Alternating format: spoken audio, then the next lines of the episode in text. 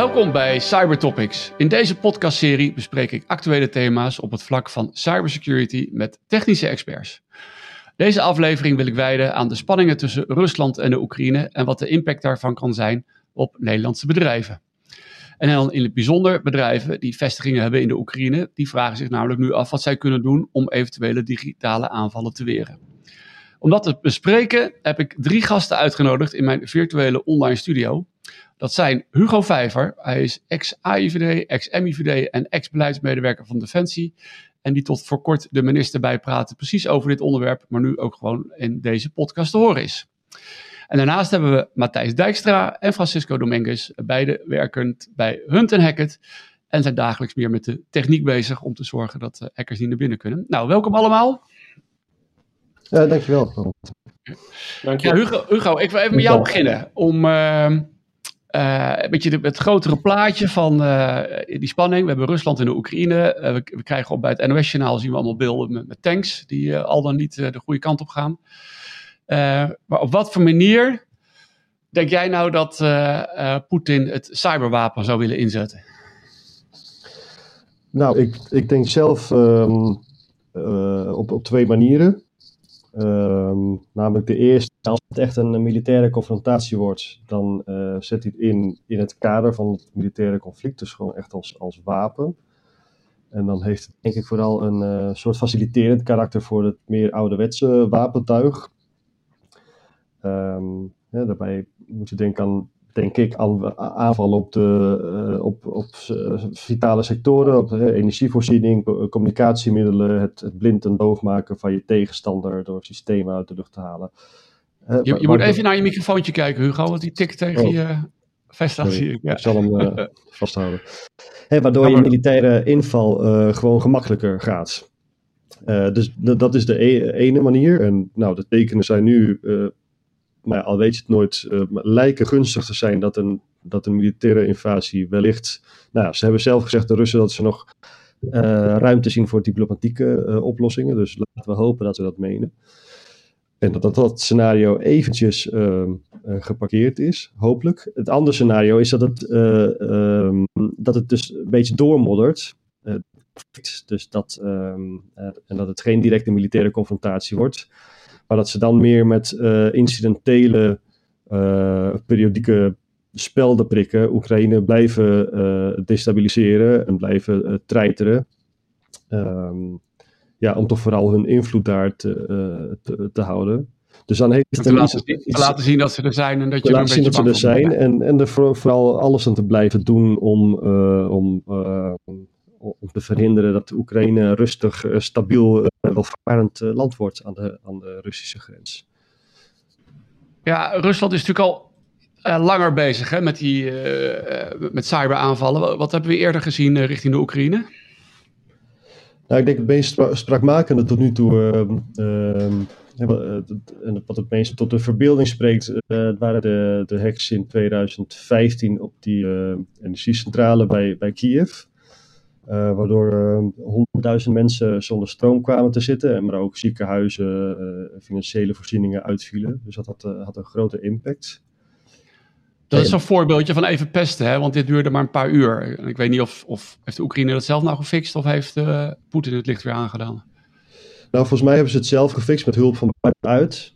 Want ik ben er ook eens ingedoken en het schijnt dat de grote ehm, de grote Amerikaanse uh, cybersecurity firma's, uh, de, de, bekendere namen, dat die vrij, uh, vrij zwaar in Oekraïne zitten met hulp. Mm -hmm. en dat ze het zelf niet zo goed, in ieder geval in de private sector wel, maar de, de meer de publieke sector, dat die dus de, de cybersecurity niet, niet goed op orde heeft. Dus dat ze daar veel externe hulp voor nodig hebben. Ja. Maar goed, is het een plagerij? Ja, pesterij wel, maar wel een hele serieuze natuurlijk. Want ja, stroomuitval in ziekenhuizen, dat, uh, dat zijn natuurlijk geen, uh, geen grappen. Dus het is echt wel om, uh, om iets te laten zien te, waar je toe in staat bent. Ja, is dat dat uitschakelen van de stroom, is dat dan die pesterijen waar je het net over had, die tweede categorie aanvallen? ja, in die zin wel. Het, het, het, maakt niet deel uit van een, van een grootschalig van, van een militair conflict. Maar het, dus in die zin is het inderdaad zo'n incidentele aanval om, ehm, om, om Oekraïne voortdurend te laten weten dat, dat, dat, dat Rusland er is. ook bijna letterlijk. Dat ze, zitten, dat ze in de systemen zitten van vitale infrastructuur van, van Oekraïne. Um, maar ja, dit was voor een speldenprik wel natuurlijk een hele serieuze. Want als je laat zien dat je in staat bent om, om, om de energievoorziening uit te schakelen, elektriciteit, ja, dat, dat kan zeer ernstige gevolgen hebben. zoals het uitval van de, van de stroom in ziekenhuizen. Um, nou goed, veel, veel, uh, uh, veel onderzoekers op dit gebied die, die, die menen, en daar kan ik me wel in vinden, dat, dat ook Oekraïne, dat niet alleen echt gericht is tegen Oekraïne vanuit Rusland, maar dat, Rusland, dat Oekraïne ook echt is gebruikt als soort van, van proeftuin, als, als uh, training ground voor, voor de Russische diensten, om daar dit soort skills op, op te oefenen. Ja, want oefenen met cyberoorlogje spelen, dat gaat heel moeilijk in een laboratorium natuurlijk. Dus dan kan je beter maar gewoon even een land uitzoeken waar je dat op loslaat. Nou ja, dat is wel uh, natuurlijk een perfecte manier om, uh, om de, je, je, buurman, die je toch uh, heel erg ehm, instabiel wil houden, om, om het daarop inderdaad te, te, oefenen. Ja, ja als je nou. Ehm, ja, dus Poetin is bezig met de Oekraïne. Als hij naar het land in wil vallen, dan, dan wil hij het land misschien ook wel hebben gewoon en weer bij, bij Rusland voegen. Um, dan wil je misschien ook niet je wapens inzetten om echt heel erg destructief te zijn. Want anders moet je straks weer dingen gaan opbouwen die je net kapot hebt gehackt, toch? Ja, eh, de, de vraag is of je dat echt per se uh, wil. Um, kijk, ik denk in ieder geval dat, dat een van zijn hoofddoelen was het uh, verhinderen van het verdere aansluiting van Oekraïne richting, richting NAVO. Nou, dat is hem gelukt, denk ik, want geen land bij de NAVO die er nu nog aan moet denken dat, om de Oekraïne bij de NAVO te halen, want en dan zie je wat er van kan komen. Ja. Um, dus bezetting, ik denk dat, dat, dat bezetting niet, niet, niet eh, heel bovenaan uh, het, het wensenlijst staat van, van Poetin, is mijn inschatting. Omdat dat, ja, dat gaat je ook enorm veel kosten als je dat gigantische land uh, bezet wil houden met alle, alle verzet wat dat gaat uh, oproepen. Ja. Maar je wil het wel vanuit Poetin gezien in, in je greep houden. En, en daarvoor leent natuurlijk um, het cyberwapen, denk ik, leent zich uitstekend. Want kijk, het enige wat het cyberwapen niet kan in vergelijking met, met, uh, met de traditionele land, lucht en zeemachten, is, is een land bezetten. En dat moet je echt doen met ja. de boots on the ground. Maar je kunt wel een land uh, voortdurend lopen treiteren en, en destabiliseren door, met, met, met het cyberwapen. Het, het, is nu, as we speak, zijn er weer al banken platgelegd en militaire websites van, van, van, de, van, de, van de strijdkrachten van Oekraïne. Dat was janu half januari ook al. En, en, ze kunnen veel meer. De Washington Post had een heel goed een doorvrocht artikel waarin ze zeiden dat, dat, dat die Russen al jaren posities hebben ingenomen in allerlei vitale sectoren in, in, in de besturingssystemen. Dus ik denk dat ze nog voor jaren uh, munitie hebben, digitale munitie, om, om Oekraïne te destabiliseren en onrustig ja. te houden. En, en, daar, daar zou ik mijn kant op, eh, op inzetten en niet, niet op een echte militaire bezetting. Nee, en, en um, ja, die, die, die, die speldenprikken, ja, die, dat, ik vind het nog steeds geen goed woord voor, maar uh, digitale tikjes in ieder geval die hij dan uitdeelt. Uh, dat hebben we gezien. Ik vind, non-patia heeft hij natuurlijk ook een keer gedaan. Dat is waarschijnlijk, uh, dat is heel groot geworden, waardoor we ook onze Rotterdamse haven dicht moesten. Ja. Um, ja, dat was misschien ook niet helemaal bedacht daar dat het zo uh, ook buiten de Oekraïne effect zou hebben. Sterker nog, zelfs in Rusland zelf hadden de oliebedrijven er last van. Dat is natuurlijk ook helemaal niet uh, bedoeld. En je ziet dus wel dat er, um, nou ja, als je, als je niet zorgvuldig omgaat met je digitale wapen, dat je vrij makkelijk ook uh, collateral damage kan hebben. Dat er zomaar dingen uit gaan vallen. Ja. Maar is het nou ook te verwachten dat als wij, eh, in de, als Poetin door blijft gaan, op een gegeven moment kom, komt de EU met sancties, dat als reactie daarop, uh, ja, dat er vanuit Rusland, wij hier ook gewoon in het Westen, en in het bijzonder in Nederland, weer een reactie terug kunnen verwachten? ja, dat, dat, zou ik, daar zou ik zeker rekening mee houden. Um, want inderdaad, met non-petia, ik heb de cijfers nog eens op nageslagen.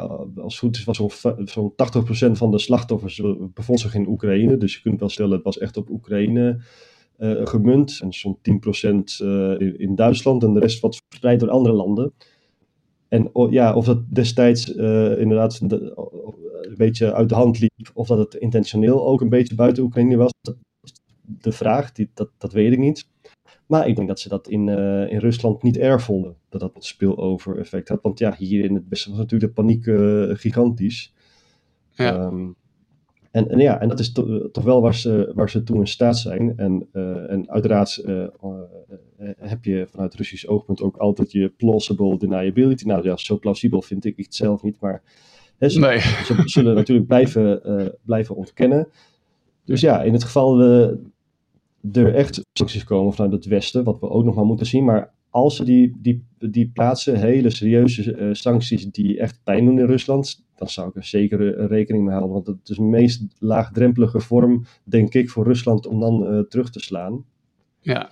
Uh, maar goed, ik, om, om wel heel irritant te zijn voor ons, zonder dat, dat, gelijk, dat wij gelijk in een gewapend conflict weer terug gaan reageren. Ja, want geen, uiteraard niemand die het in zijn hoofd zou halen om op, in, als reactie op een cyberaanval um, iets, iets te doen in de, langs fysiek-militaire vorm tegen Rusland. Kijk, de meeste landen durven niet eens terug te hacken als het gaat om Rusland. Dus laat staan dat ze iets, iets, anders zouden doen.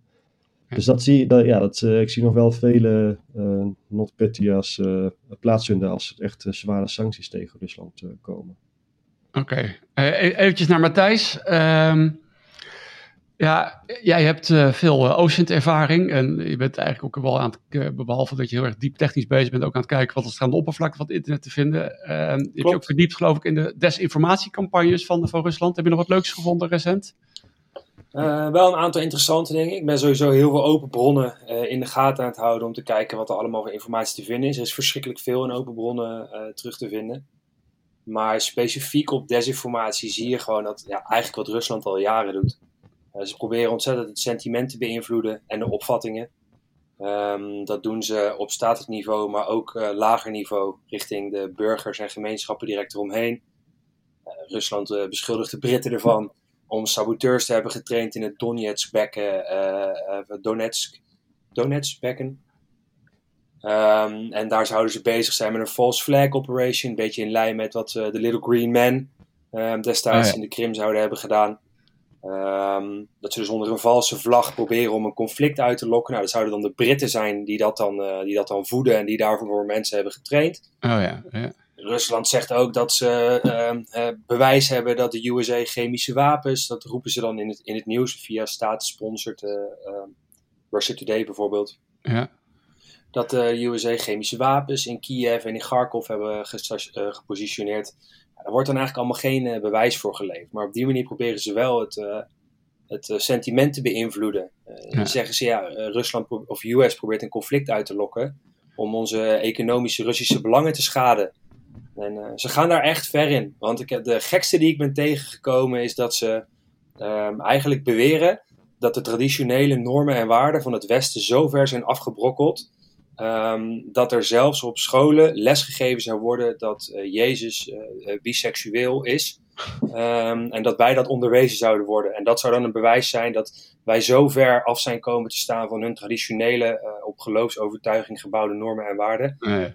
Um, dus je ziet gewoon dat ze op die manier echt het sentiment proberen te beïnvloeden. En in ieder geval de Russische bevolking aan hun kant te houden. En daarnaast elke legitimiteit van uh, nou ja, uitleg van, van, van NAVO-groepen uh, of westerse uh, overheden of organisaties op die manier gewoon volledig onderuit, en onderuit te halen en ongeloofwaardig te maken. Ja, ja. Dat zie je gewoon verschrikkelijk veel. Oké, okay. ik kom zo nog even bij je terug. Eventjes naar Francisco. Uh, ik wil even nog die brug maken van, van mensen die hier naar luisteren, die bedrijven hebben, die uh, wat grotere organisaties. zijn ook veel klanten uh, van Hunt Hackett die ook gewoon vestigingen hebben, zowel in, in Rusland als in de Oekraïne. En, en die maken zich nu druk om van, nou, als het daar losbarst, dan zal het ook wel digitaal een, een weerslag hebben. Um, stel dat je daarvoor zou werken, en, en wat zou jij gaan doen bij zo'n bedrijf vanuit preventief oogpunt om te voorkomen dat je schade gaat krijgen? goede vraag. Uh, de leuke observatie is dat het in ieder geval niks nieuws onder de zon is. Of het allemaal haalbaar is in het uh, dat voorhanden is, uh, is een ander verhaal. Um, op hoofdlijnen gaat het in ieder geval met het reduceren van het relevante aanvalsoppervlakte. Dus niet zozeer dat je onhackbaar bent, maar wat is nou relevant voor de situatie van de vestiging die je in dat, in dat land hebt. Um, daarbij vooral kijken om de bewegingsvrijheid van de aanvaller in te perken. En de middelen hebben om te zien dat je kan reageren en ook de mogelijkheid hebt om te reageren. Daar zou, kan Matthijs zo meteen nog op inzoomen. maar ook jezelf afvragen wat als het misgaat. Dus stel dat wij als Hunt Hackett een vestiging zouden hebben in de Oekraïne, dan kan je je als eerste focussen op hoe voorkomen we dat er iets mee aan de hand is. Maar gezien het, tijdsbestek waar het om lijkt te gaan, hè, die indruk wordt heel gewekt in de, in de media, is het misschien belangrijker om ervan uit te gaan dat ze al binnen zitten. Dat ze op een bepaald moment uh, van die toegang gebruik willen maken. Dus dan wil je jezelf als bedrijf wil je afvragen, wat zijn de aanvalspaden? Wat voor bewegingsvrijheid heeft de aanvaller in dat deel van het netwerk? En hoe makkelijk en hoe snel kan een aanvaller vanuit die vestiging de rest van onze organisatie uh, in zijn greep uh, krijgen. Voor zover dat al niet gebeurd is. Dat, dat die corner case even buiten beschouwing houden. als we dan nog technisch weer inzoomen, ehm, dan komen een hoop bekende zaken om de hoek kijken. Een mooie samenvatting daarvan wordt ehm, door de CISA gegeven, Amerikaanse organisatie Cybersecurity Infrastructure Security Agency. Hele mond vol, in de basis een organisatie die zich bezighoudt met heel erg gericht, gericht, praktisch en, uitvoerbaar advies geven over um, wie is de aanvaller, hoe gaan ze te werk, welke maatregelen moet je daarvoor treffen en uh, maatregelen in de breedste zin van het woord, dus zowel preventie, detectie als ook respons. Um, dus als we daarnaar kijken um, en we gaan ervan uit dat die vestiging gehackt is, dan doe je het een aanvaller zo moeilijk mogelijk maken om te bewegen. Dat betekent op netwerkniveau uh, zorgen dat alles zo dicht mogelijk zit. enkele voorbeelden daarvan zijn bijvoorbeeld zorgen dat uh, de laptopjes en de computers niet met elkaar kunnen, kunnen communiceren. Maar ook zorgen dat het serverpark niet zomaar met internet kan communiceren. maar bewegingsvrijheid gaat verder dan alleen maar. Maar, maar dit zijn maatregelen wat je eigenlijk altijd al goed of hygiëne zou noemen, zeg maar, in een netwerk. Ja. Maar is dat nou ook een beetje makkelijk te realiseren? Het is niet even een vinkje zetten, denk ik. Hè? Nee, ze zijn niet altijd makkelijk te realiseren. Dus daarom zijn het vaak ook fundamentele zaken die je op orde dient te hebben. Maar het heeft wel heel erg te maken met uh, de scope van hoe je het aanpakt. Je ziet nog heel veel bedrijven tegenwoordig, als ze de adviezen lezen, dat ze dat op het gehele bedrijf proberen los te laten. Uh, zonder daarbij te differentiëren tussen de verschillende risicogroepen die ze hebben in het mhm. bedrijf. Um, als je namelijk kijkt naar de businessprocessen, heb je altijd een deel van het bedrijf dat direct relevant is en ondersteunend is aan de businessprocessen en een deel van het bedrijf dat er verder weg uh, van staat. Uh, op basis daarvan kan je dit soort maatregelen op een deel van je bedrijf toepassen en het daardoor wel haalbaar maken om ze ook daadwerkelijk te implementeren. In plaats van dat je helaas te veel ziet gebeuren, dat bedrijven proberen om een maatregel over het hele bedrijf uit te rollen en dat het, het schip halverwege strandt. Ja. Maar zou een hele simpele maatregel gewoon kunnen zijn van als je een Oekraïnse vestiging hebt, nou, koppel die maar los? Uh, kan. Van het grote maar... hè, want vaak leven die bedrijven in één groot uh, netwerk, virtueel netwerk, met alle vestigingen die uh, ja, gewoon van een computer naar computer met elkaar kunnen praten. Ja, dat, dat zou een maatregel kunnen zijn. Die, die raakt heel erg de, de bewegingsvrijheid van de aanval. Eigenlijk het amputeren van een ledemaat, als je de analogie zou maken. Maar dat betekent dus wel dat je de rest van je bedrijf moet kunnen dooropereren. En in het geval ja. van een, een cyberonderdeel moet het geamputeerde gedeelte ook door kunnen blijven opereren. Dus dat betekent dat het niet zozeer gaat om de technische ingreep. We zijn in staat om de firewall dicht te zetten, of we zijn in staat om de internetverbinding eruit te trekken. Maar de vraag is, uh, welke primaire businessprocessen uh, moeten uh, voldoende geoefend zijn om dan autonoom door te kunnen blijven draaien. Ja. Ja. Dus zeker een maatregel. Ik verwacht alleen niet dat veel bedrijven dit geoefend hebben, in tegenstelling tot een Rusland, waarvan je in de media leest dat ze dat ook serieus overwegen en geoefend hebben. Ja, om dat heel Rusland zichzelf losgooit van het internet dat heel Rusland zichzelf losgooit van het internet. Als aanvaller denk ik dan, dat wordt een leuke uitdaging om te zorgen dat mijn backdoortje het overleeft als ik die zou hebben. Hugo, uh, is dat een, uh, een, bekende strategie van, van Rusland? Ja, nou, wat, wat, wat ik. Um, wat, ik ben natuurlijk geen expert op het technisch gebied, maar wat ik er wel van lees, is dat Rusland wel die beweging maakt um, naar, naar wat zelfstandig, afzonderlijker uh, infrastructuur op het internet. Waar China al, als ik het goed begrijp, heb, de Great Chinese Firewall al wat verder in is. Ja. en Rusland niet, maar dat ze daar ook voor binnenlandse consumptie steeds verder in, gaan. Want de, de repressie van Rusland ziet online ziet nu vooral, wordt nu vooral, vooral geregeld door offline wetgeving. Hè, dus door door wetten dat je je niet mag uitlaten over homoseksualiteit of over geen kritiek mag hebben op Poetin, dat soort dingen, noem maar wat, maar dat is zeg maar offline wetgeving, dus, maar dat mag je niet online uiten. Um, Maar ze gaan nu ook steeds meer toe naar ook voor in, intern voor, voor, voor, een afzonderlijk, ja, om, om een separatie te creëren, ook op technisch gebied. Dus dat, ja. dat zou mij niet verbazen als ze onafhankelijker in willen worden. Ja. En, zou er een op iemands strategielijstje staan van als, als we inderdaad echt in een conflict komen met Rusland, dat misschien wel het Westen gewoon besluit, wij gooien Rusland los van het internet. Zou dat helpen om uh, ons niet meer aan te vallen? Ja, dan moet ik eigenlijk even naar een van de techneuten kijken, denk ik. Uh. Sowieso is dat een, eh, een, leuke uitdaging om iemand van het internet af te gooien, aangezien er een hoop toegangswegen zijn. Je kan ze in ieder geval een, knap lastig maken door de gebruikelijke toegangswegen via de internetproviders en de koppelingen met het grote internet, om het zo maar te benoemen, om die dicht te zetten. Uh, maar ja, het, het, internet is natuurlijk, um, ik ben even het Nederlandse woord kwijt, maar behoorlijk resilient tegen dat soort zaken. Daar is het ja. natuurlijk voor ontworpen. Uh, dus ja, je, je, je zou zoiets uh, kunnen starten. en nou, misschien wel iets voor de Hugo of Matthijs. Maar aan de andere kant, het West heeft er natuurlijk wel baat bij om allerlei inlichtingenoperaties door te laten gaan. Dus op het moment dat een van de twee kanten zichzelf um, isoleert, of, of gedwongen de ander isoleert, dan is de uitdaging natuurlijk hoe hou je nou uh, de, de non-human uh, inlichtingen uh, levend en draaiende, zonder die volledig kwijt te raken. Ja. En je raakt daarmee ook aan je eigen informatiepositie als je ze helemaal afsluit. Ja, maar ja, dan, dan probeer je misschien nog vanuit de ambassade met een wifi-lijntje van de buren uh, toch nog access hebben aan de binnenkant, zeg maar, van die grote firewall misschien. Hè? Maar ik snap, ik snap je punt. Ja, Matthijs, um, gelijk even met jou door te gaan dan. Uh, Francisco had het net over de, de maatregelen die je kan nemen en, en die eigenlijk sowieso goed zijn om in, in een bedrijf allemaal te implementeren. Maar ja, dat duurt nog wel eventjes en soms kostbaar en in ieder geval traag om dat te organiseren. Zie jij ook nog opties die je wat sneller zou kunnen doen? Ja, ik zou zelf, ook vanuit mijn eigen expertise, vanuit de Instant Response, uh, focussen op uh, detectie en respons eigenlijk. CISA, dat document dat beschreven is door het CISA, dat noemt ook een aantal van die maatregelen waarbij ze inzoomen op hele specifieke tactieken die gebruikt worden door aanvallers. Maar ik zou daarin eigenlijk echt wel beginnen met focussen op detectie. Ze noemen bijvoorbeeld ook het organiseren van een tabletop. Ja, het is rijkelijk laat als je nu nog gaat oefenen met welke processen en op welke manier je moet reageren. Ja. Dus zorg in ieder geval voor zichtbaarheid. Um, want als je niet. Dat je zichtbaarheid dat je zicht hebt, eigenlijk. Hè? Ja, zicht, zicht in je systemen, binnen je netwerk. Dat je weet wat er speelt. Uh, eigenlijk een soort digitale bewakingscamera's. Dat doe je door bijvoorbeeld endpoint detectie of managed detection en response in te regelen. Zodat je op uh, computers en servers en alle systemen binnen je netwerk eigenlijk uh, zichtbaarheid hebt. Kan zien wat er, wat er gebeurt. Dat je loginformatie verzamelt. Maar dat je er ook slimme detectieregels op kan laten draaien. Zoals gebaseerd op de de technieken, zoals beschreven in het CISA-document, dat je kan detecteren wanneer je aangevallen wordt en wanneer er iemand probeert binnen te komen of iemand binnen zit en door je mhm. netwerk probeert te bewegen.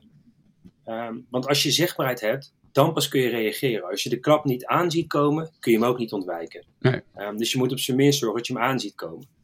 Nou, als je dan dat in ieder geval hebt geregeld, dus die, die zichtbaarheid op je, je endpoint, zoals wij dat noemen, op je, je, je systemen, um, dan moet je nog wel weten hoe je daarop moet reageren. Het CISA noemt daar ook het een en ander over, responsmechanismen en, uh, en ja, mitigatiemaatregelen die je kan treffen. Um, en daar zou ik ook wel op focussen. Je kan, uh, het is nu echt te laat om alle ramen en deuren en kiertjes te gaan nalopen. Um, maar je kan er wel voor zorgen dat je uh, je MFV op een juiste manier hebt ingeregeld. Dat je je accounts op een juiste manier beveiligt. Zorg dat je je wachtwoorden lang en complex genoeg hebt. Dat je een tweede factor of een multifactor aan hebt staan uh, waar dat mogelijk is. In ieder geval op, nou ja, zoals Francisco net ook al even aangaf, de kritieke systemen of de, de hoge risicosystemen. Um, en dat je op die manier dat soort accounts beter beveiligt.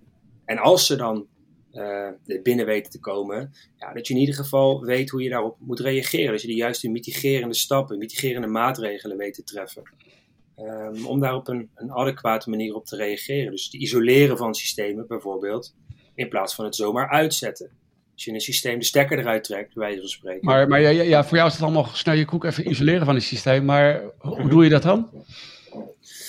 Um, nou, dat, het verschil zit er bijvoorbeeld in dat je niet zomaar de, de, de energiekabel eruit trekt, de stekker eruit trekt, maar dat je de netwerkverbinding verbreekt. Dus dat je uh, ja, je, je wifi uitzet en de netwerkkabel eruit trekt in plaats van de energiekabel. Maar, eh, maar, verwacht je dan dat mensen, gebruiker dat zelf doen? Of is dat, uh, kunnen we Nee, dat is, dat is echt wel ook een verantwoordelijkheid van de, van de ja, uh, IT-partij. Of in ieder geval de beheerders binnen zo'n organisatie. En als je dat zelf niet kan, als je dat zelf niet weet hoe je dat moet doen. Omdat het bijvoorbeeld niet je core business is. Dat kan heel goed. Maar er zijn er heel veel andere partijen die je daar natuurlijk in kunnen assisteren. Je kan zelf ook natuurlijk dat, het CISA-document gebruiken. Het is vrij duidelijk, vrij duidelijk uitgelegd. En het heeft in principe ook niet bijzonder veel met security te maken. Een aantal van de maatregelen. Hè? Dat je je backups op een goede, juiste offline manier inregelt, bijvoorbeeld. Ja. Ja, je kan in ieder geval nu wel controleren hoe offline zijn mijn backups. Want als ik geraakt word en ik zie het niet en ik reageer niet op de juiste manier om het te voorkomen, heb je dan in ieder geval je backups op zo'n offline manier liggen dat je kan herstellen. Dat je iets weer kan repareren. Dus ja, dat is eigenlijk gewoon ook eh, fatsoenlijk beheer van je netwerk. En eh, op die manier veilig omgaan met de, de data en de gegevens die je hebt. Maar je, je, noemde, je noemde net uh, zicht creëren in je netwerk. als iemand nu zegt, oké, dat wil ik. Hoe, hoe, snel draait dat? nou, dat kan eigenlijk vrij snel. Je kunnen binnen, een beetje afhankelijk van hoe complex en hoe groot je omgeving is. Daar hangt er natuurlijk altijd van. Er is een verschil tussen of je een paar honderd computers of systemen of een paar duizend uh, wil hebben. Maar in principe kan, dat, kan je binnen een paar uur al de eerste systemen live hebben. Dus als je hm. echt heel bang bent voor bepaalde segmenten binnen je organisatie, kun je eigenlijk binnen een paar uur al zorgen dat er monitoring draait. En dat er experts meekijken en dat je een hotline open hebt staan, mocht er iets afgaan en, en je weet niet hoe je moet reageren. Dus het kan heel snel. Ja, dus wat, eh, en dat, uh, die, die EDR-tools waar je het over hebt, die, waar dus, hm. waardoor je zicht krijgt, daar kan je ook gelijk vanaf een centraal panel kan je ook uh, de, de, de, respons doen. Hè? Dus die laptops in quarantaine zetten. Ja, wat je, en, uh, wat je bijvoorbeeld net noemde, hè, kun, je, kun je delen van een organisatie kun je die afsluiten. Nou, dat is natuurlijk best wel een draconische maatregel om gewoon een tak van je bedrijf eigenlijk op zwart te gooien. Met zo'n EDR-tooling kun je, uh, kun je eigenlijk heel granulair, kun je bepaalde specifieke systemen kun je gewoon isoleren. Dus ook niet eens uitzetten, dan kun je ze isoleren. Dan kun je ze alsnog onderzoeken.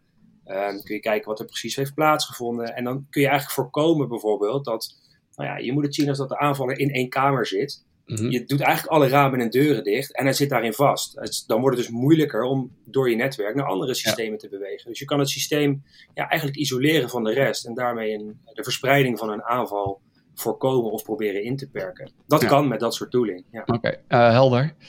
Um, ja, we moeten toch een beetje ook gaan afronden, jongens. Uh, laatste vraag nog even aan, uh, aan Hugo. Um, had je dit hele, eh, deze escalatie niet uh, eigenlijk willen meemaken op het uh, ministerie nog bij Defensie? nee, juist niet. Ja, ik denk dat de dynamiek nu wel erg leuk is als je werkt op de plek waar ik, waar ik werk als beleidsadviseur cyber of, of bij een van de diensten. alleen wat ik nu leuker vind is dat, dat ik er nu vrijer en vanuit mezelf erover mag en kan praten, zoals hier met jou. En zonder lagen uh, voorlichting en communicatie ja. ertussen. Het is niet aan een op, uh, op Defensie om hierover te praten. Dus uh, dat, dat maakt het nu wel wat, wat leuker. Absoluut. Ja. Oké, okay, nou, um, ik kan het helemaal volgen inderdaad. Dank jullie wel allemaal. En laten we maar hopen dat het conflict snel de-escaleert. En mocht je nog meer van Hugo willen horen, dan kan je naar de podcast luisteren die ik met hem vorige maand heb opgenomen. Uh, dat geluid is net ietsje beter dan, uh, dan we nu hebben gehad met het tikken van zijn microfoon, dus excuus daarvoor. En, uh, en als je nog wilt napraten over deze uitzending, kan dat in de Telegram group met de naam Cyberhelden. En Telegram is natuurlijk een prachtige app gemaakt ooit door twee Russische heren. Maar deze kunnen we vertrouwen, want die zijn het land ontvlucht. Althans, dat zeggen ze zelf. Bedankt voor het luisteren en graag tot de volgende keer.